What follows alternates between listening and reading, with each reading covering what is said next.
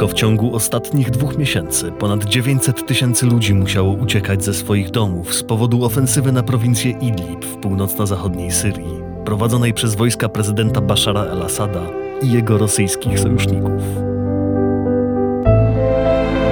Spychani są na coraz bardziej kurczące się terytorium przy granicy z Turcją. Sytuacja jest tak chaotyczna, że trudno oszacować liczbę ofiar. Cywile znaleźli się w potrzasku. Podcast powszechny. Weź, słuchaj. Tu podcast powszechny przed mikrofonem Marcin Żyła. E, dzień dobry. Obok mnie w studio Paweł Pieniążek.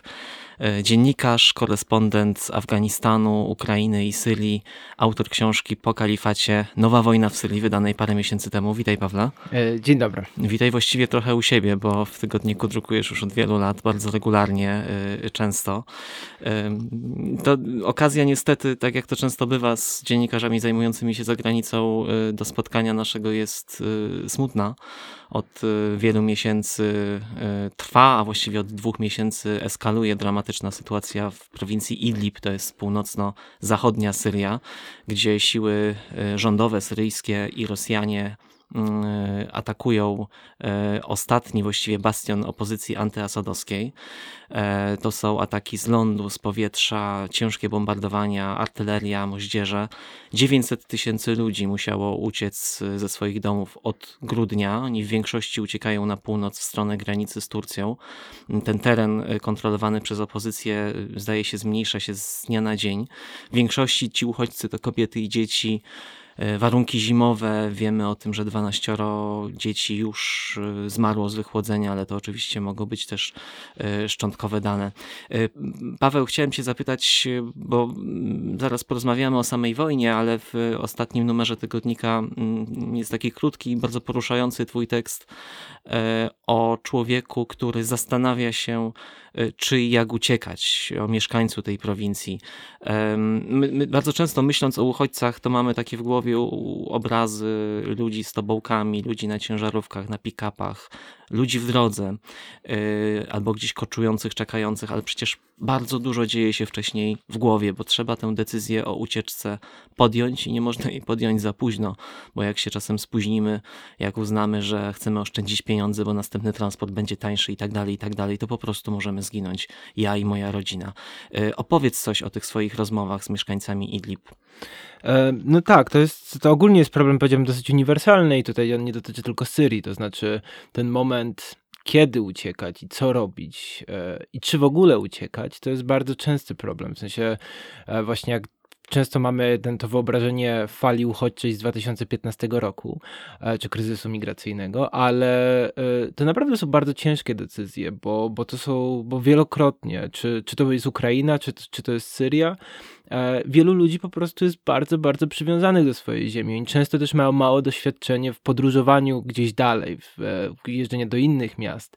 Więc e, to często to ten ich dom, to ich, nie wiem, pole, to są rzeczy, do których oni są niesamowicie przywiązani. To jest tak naprawdę porzucenie życia, całego życia, całego dorobku. Nawet jeżeli są bardzo skromne domy, jeżeli nie ma w nich zbyt wielu przedmiotów, to, to jest takie poczucie, że nagle trzeba skoczyć na głęboko wodę. I ja słyszałem to wielokrotnie. Właśnie teraz jak rozmawiałem z mieszkańcem Idlibu, e, Muhammedem, e, on ma 35 lat, e, jak dobrze pamiętam, e, łącznie jego rodzina tam z braćmi, e, z bratem, e, rodziną, to jest 17 osób on nie ma pracy, dlatego że no, w Idlibie też sytuacja nie jest najlepsza od dawna. To była, to jest teren, który, który był tak na wpół oblężony przecież od, od bardzo, bardzo dawna, bo z jednej strony jest zamknięta, jest zamknięta granica z Turcją, a z drugiej strony były właśnie te terytoria, e, terytoria kontrolowane przez wojska prezydenta Asada, na których większość tych ludzi nie ma wstępu, e, albo wiąże się to z jakimś ryzykiem, że zostaną aresztowani, że będą mieli problemy, więc, więc oni tak naprawdę mogli funkcjonować e, tylko na tych terytoriach i tych kontrolowanych e, przez, przez Turcję. No więc, więc e, jeżeli, jeżeli nagle trzeba zostawić całe swoje życie, e, i nie mając wcześniej doświadczenia takiego, że się podróżuje, no nie wiem, mi się wydaje, że mi stosunkowo łatwo byłoby nagle zmienić zupełnie miejsce zamieszkania, bo nie jestem jakiś tak bardzo przywiązany do jednego miejsca.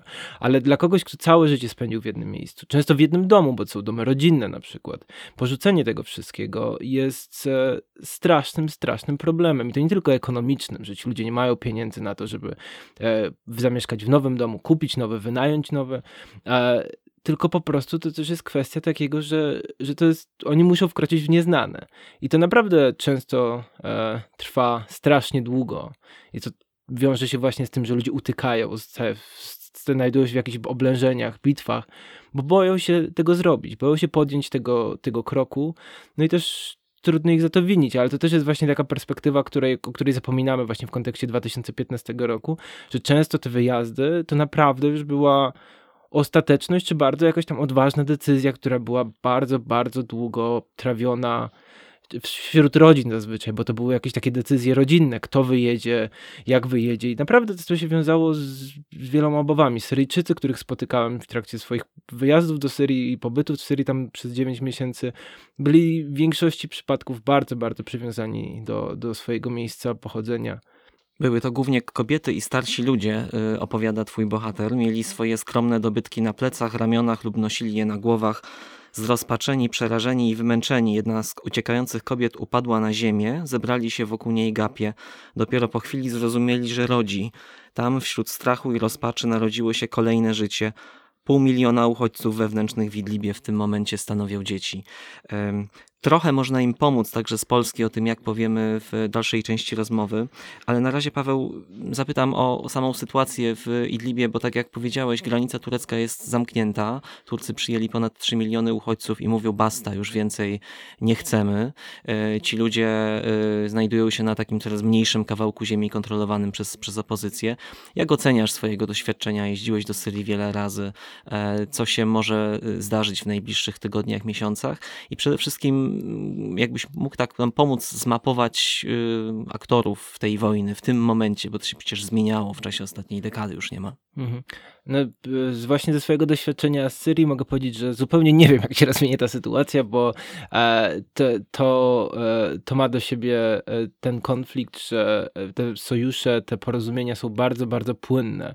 Ale no, możemy w obecnej sytuacji, w sensie na razie jak rozwija się sytuacja, to prawdopodobnie będzie dalsza ofensywa, nie wiadomo do jakiego stopnia, czy dojdzie do zajęcia całych tych terytoriów, no bo... bo... M może, przepraszam, podzielmy. Z jednej strony mamy armię tak, rządową... z jednej strony mamy armię rządową, która jest wspierana, wspierana jest e, przez Rosję i Iran, chociaż tam o, o, obecności irańskich akurat sił wiele się nie mówi, głównie, głównie to chodzi o wsparcie powietrzne Rosjan, a, dlatego, że, e, że to pozwala przełamać, e, przełamać obronę przede wszystkim bojówek antyrządowych, które zazwyczaj są słabe słabiej uzbrojone, w sensie nie mają, nie mają e, samolotów, nie mają broni przeciwpowietrznej, więc tak naprawdę są bezbronne wobec, e, wobec nalotów i to jest często stosowana strategia właśnie, żeby nalotami kruszyć, przełamywać e, w bardzo brutalny sposób właśnie te różne tam bastiony opozycji, bo to była wschodnia Guta na przykład, taka chyba najbardziej symboliczna, ale to było wiele, wiele takich enklaw, e, tych rebeliantów różnych, o których też zaraz więcej powiem, e, które były właśnie przełamywane w taki sposób. E, więc e, z drugiej strony mamy właśnie te grupy antyrządowe. Trudno je tak jednoznacznie scharakteryzować, ale dominującą frakcją są tam różne odłamy dżihadystyczne. One są bardzo różne na tej skali, to znaczy to nie jest państwo islamskie, ale najbardziej radykalne i też najmocniejszym ugrupowaniem jest e, Hayat Tahrir al-Sham, czyli to jest e, powiązana z Al-Kaidą, syryjski odłam e, Al-Kaidy, e, ugrupowanie, które jest tam bardzo mocno zakorzenione. E, jest dużo ugrupowań wspieranych przez Turcję, bo Turcja też ma tam swoją obecność, ma swoich żołnierzy e, w Idlibie, w prowincji i e, tutaj no ile jest, jest tych ugrupowań, ile ich tam jest dokładnie? Chyba, chyba nawet nie wiadomo, ale głównie najważniejszym tutaj tutaj właśnie jest ten Hayat Tahrir al-Sham, e, więc to są, to są grupy i, i też to jest trochę, bo jak mówimy Al-Kaida, to od razu nam się kojarzy Osama Bin Laden, ale to też jest bardzo zmieniona Al-Kaida, w sensie nie chcę mówić, że jest dobra, bo robi mnóstwo strasznych rzeczy, ale ona jest bardzo zakorzeniona w tym Idlibie, w sensie oni się wydają, że w ogóle zrezygnowali e, z tego całego globalnego dżihadu, e, oni się, oni postanowili stawiać właśnie na taki e, lokalny, w sensie na jedno miejsce, konkretne miejsce, więc oni tam już od dawna przyjęli zasady, że starają się unikać ofiar cywilnych, więc to jest taka zmieniona, y, zmienione ugrupowanie, e, ale, ale no wciąż pozostaje bardzo, bardzo radykalne. A jak wygląda proporcja y, tak powiem, przewagi sił i środków tam na, na, na froncie w tym momencie w Idlibie? E, No, biorąc pod uwagę, w sensie w tych dwóch ścierających się sił, tak? No ze względu na to, że jedna strona ma lotnictwo, to, e, to niewiele tu można zrobić, dlatego że te naloty są bardzo, bardzo intensywne. E, Ich tam jest, nie wiem, zależy od dnia, ale to może być tam kilkadziesiąt, czy, czy, czy pewnie ponad 100 nalotów dziennie, co jest naprawdę bardzo dużo. Więc e, w ostatnich tygodniach e, widać było, że te wojska rządowe właśnie przy wsparciu lotnictwa bardzo przyspieszyły i zajęły bardzo duże terytoria, głównie w okolicach e, zachodniego e, Aleppo, e, co też odblokowało ważną trasę łączącą Aleppo z Damaszkiem.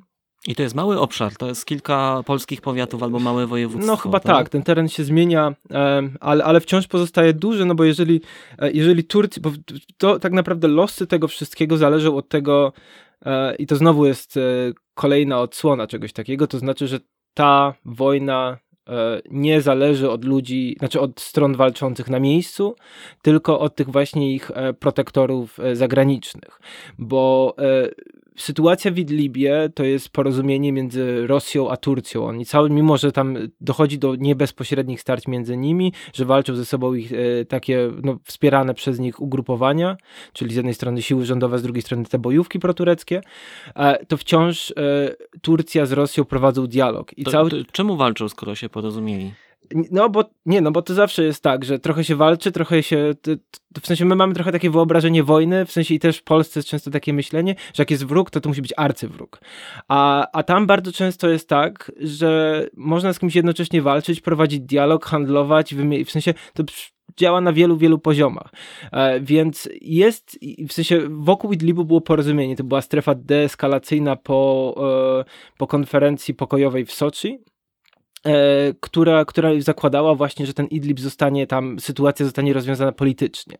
Ale e, Rosja i, e, i siły rządowe e, argumentowały w sensie swoją ofensywę tym, że cały czas są tam terroryści, bo Hayat Tahrir al-Sham jest uznawany za organizację terrorystyczną przez, e, przez większość świata, e, w tym przez Rosję, e, więc, więc to im dawało zielone światło do, do ofensywy, więc tutaj było na wielu poziomach to, w sensie cały czas się toczył dialog, co zrobić z Idlibem, bo ta ofensywa trwa już od bardzo dawna, w sensie tam od 2016, jeśli się nie mylę, ale mogło to być nawet wcześniej, były pierwsze próby ataków na Idlib, więc, więc to cały czas jest takie właśnie no, dyplomacja, znaczy w sensie wojna jest przedłużeniem polityki i, i tutaj to bardzo dobrze widać. To znaczy, z jednej strony stosuje się dyplomację, ale z drugiej strony, żeby wzmacniać swoje argumenty dyplomatyczne, stosuje się e, działania zbrojne. Było już wiele ostatnich epizodów tej wojny syryjskiej. Yy, Teraz mówi się, yy, że właśnie ofensywa yy, w Idlibie jest takim ostatnim jej rozdziałem, bo to jest ta jedyna część kraju kontrolowana jeszcze przez, przez opozycję. No ale ty tytułujesz swoją książkę po kalifacie Nowa wojna w Syrii. Co dalej? W sensie ja uważam, że, że Idlib to jest o tyle ważny e, i jest w pewnym sensie wyjątkowy, że Idlib był miejscem, gdzie z tych wszystkich przegranych bitew, z tych wszystkich enklaw e, byli zwożeni e, bojownicy różni. To też przecież bojownicy państwa islamskiego byli wywożeni do Idlibu. Więc te, ta obecność, mimo że ci bo- bojownicy są, nie, nie mogą poradzić sobie z samolotami, to wciąż jest to ogromna grupa zatwardziałych bojowników, którzy przeżyli e, straszne bitwy, bardzo trudne bitwy. No i też rozumieją, że to jest tak naprawdę ich jeden z ostatnich terenów, gdzie mogą walczyć. Więc e, myślę, że w takim czysto militarnym starciu oni są bez szans, ale tu pozostaje kwestia tego, co potem. Dlatego, że oni mogą zejść do podziemia, oni mogą przejść przez granicę, e, mogą funkcjonować, jak zresztą e, kurdyjska partyzantka przez wiele, wiele lat funkcjonowała, czyli stacjonowała na terytorium Syrii i destabilizowała Turcję, w sensie działała w Turcji. Więc tutaj możemy, na przykład może być sytuacja odwrotna, to znaczy z Turcji mogą destabilizować Syrię, ale, ale biorąc pod uwagę, że, że te wszystkie ugrupowania mają dosyć mocne poparcie w Idlibie, e, nie mówię, że wszystkich, ale, ale są tam mocno zakorzenione. E, one tak naprawdę kontrolowały wszystkie instytucje publiczne, więc, więc e, mają bardzo dobre E, środki i możliwości do tego, żeby kontynuować e, partyzantkę. Więc w tym sensie uważam, że Idlib może być takim kolejnym zarzewiem buntu, szczególnie, że on jest bardzo bliski do tych alawickich terenów, a, alawici są e, związani głównie z prezydentem Assadem i to, i to w wielu miejscach mogą operować w bardzo czułych miejscach. To jest zresztą jedna z takich największych rewolucji znaczy rewolucji protestów syryjskich, który został krwawo stłumiony w Hamie, e, właśnie też się zaczynał, znaczy miał, był bardzo mocno ugruntowany w Idlibie, więc Idlib ma taką bardzo długą historię buntu i oporu, więc, więc y, to, to o to chodzi w tej całej nowej wojnie w Syrii. Że... Jest, jest coś takiego y, upiornego, jak tak ciebie słucham, w patrzeniu na te wojny z oddali, bo mm, nie wiem, czy też tak masz, ale człowiek mm, bardzo często łapie się na tym, że właściwie chciałby, żeby w tej wojnie była jakaś, był taki jasny podział na dobrego i złego. Nie wiem, czy to jest kwestia tego, że wie, jesteśmy właściwie wychowani jeszcze na historii II wojny światowej, gdzie pomimo też odkrywanego z biegiem lat i skomplikowania no jednak był ten podział na, na złych y, nazistów i, e, czy Sowietów i, i, i całą resztę. No ale dzisiaj ta wojna w Syrii wygląda już zupełnie inaczej. Ty tam jeździłeś, jeździsz regularnie, y, rozmawiasz z żołnierzami na linii frontu, y, wchodzisz z nimi w relacje. Jak to wygląda od twojej takiej reporterskiej, od reporterskiego warsztatu? No właśnie kwestia tego, żeby też się za bardzo nie angażować i żeby właściwie do każdej strony, już nie tylko tak ale tak po ludzku y, podchodzić pewnie z pewną rezerwą. Czy, czy tak właśnie jest?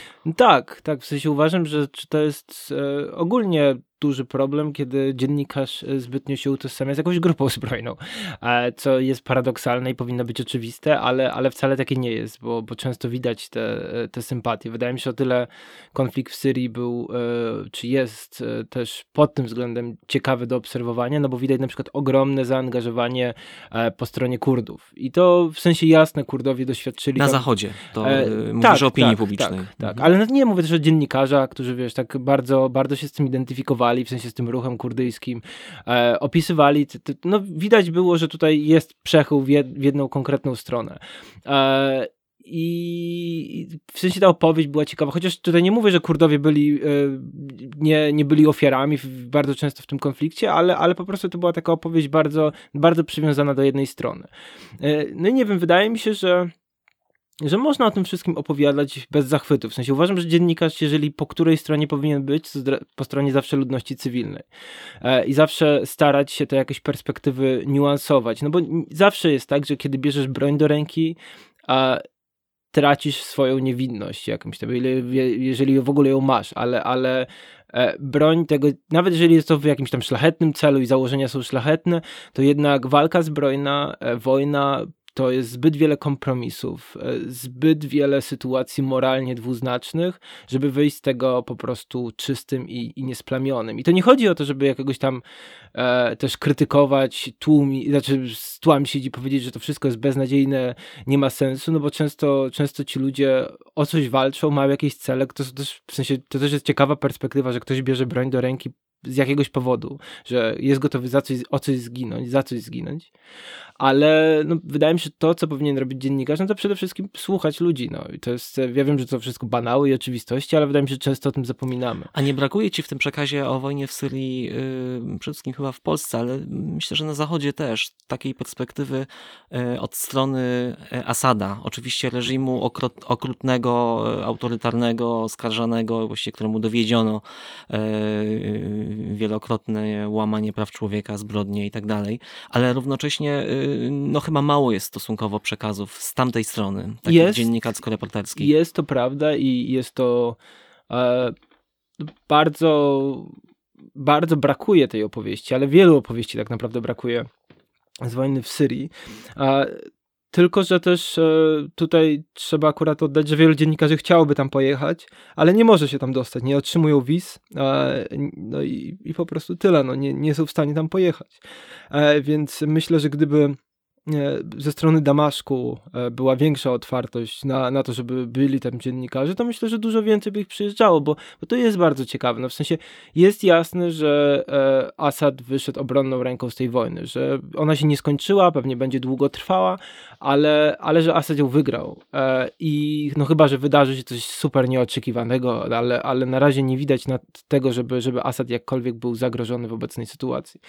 I jest to bardzo ważne, żeby, żeby pokazywać, e, co tam się dzieje, jak to wygląda, tylko mówię, jest to ograniczone. Uważam, że na przykład opowieści ze strony państwa islamskiego i to jest coś, czego strasznie brakuje, ale to też nie jest tak, że dziennikarze nie chcieli tam jeździć, tylko nie mogli. No było, było tam jeden przypadek czy dwa, kiedy dziennikarze zagraniczni mogli tam przyjechać i to też były bardzo takie e, okrojone wyjazdy, ale no dlatego na przykład jak pojechałem do Syrii, to starałem się zrozumieć, dlaczego ludzie byli gotowi popierać państwo islamskie, bo uważam, że w całej tej opowieści o, tym, o tych strasznych rzeczach, które robiło państwo islamskie, zupełnie, e, zupełnie wyparto ten lokalny kontekst, w sensie dlaczego ludzie to zrobili. To nie jest kwestia tego, żeby to usprawiedliwiać, żeby, żeby mówić, że to jest dobre i fajne, ale żeby po prostu wiedzieć, z czym mamy do czynienia, bo, bo to było właśnie bardzo ciekawe dla mnie, jak zacząłem rozmawiać z ludźmi, którzy często byli bardzo umiarkowani, w sensie, nie wiem, tak byśmy pewnie ich określili jakoś takich umiarkowanych konserwatystów, byli gotowi poprzeć państwo islamskie w pewnym momencie. I to nie jest opowieść o tym, że e, wszyscy pragną obcinania głów i tych barbarzyństwa, e, które,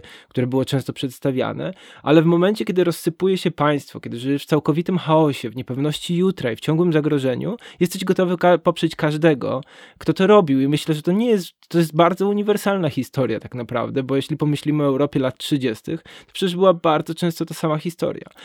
Więc, więc to jest dla mnie ważne, no bo zupełnie zostało to przeoczone, że, że skąd się brało poparcie dla państwa islamskiego i ten taki właśnie bardzo socjalny, socjalny czy nawet może nie tyle stabilizacyjny, stabilizacyjny bardziej chyba, tak. wymiar, bo to chodzi o to, żeby po prostu funkcjonowało, nie to, żeby tam e, coś, jak to konkretnie ma, nie było to opowieścią, jaka to ma być wizja państwa, tylko, że po prostu ono tak, gdzieś że to tam było, było coś więcej niż tylko y, armia czy bojownicy tak. i system sądownictwa tak. na przykład, prawda? Tak, czy no bo to jest ten moment, kiedy masz totalną totalną, e, totalnie wszystko rozsypane w pył, kiedy państwo zupełnie nie istnieje, to naprawdę jest to ten dylemat e, między bezpieczeństwem a, a wolnością.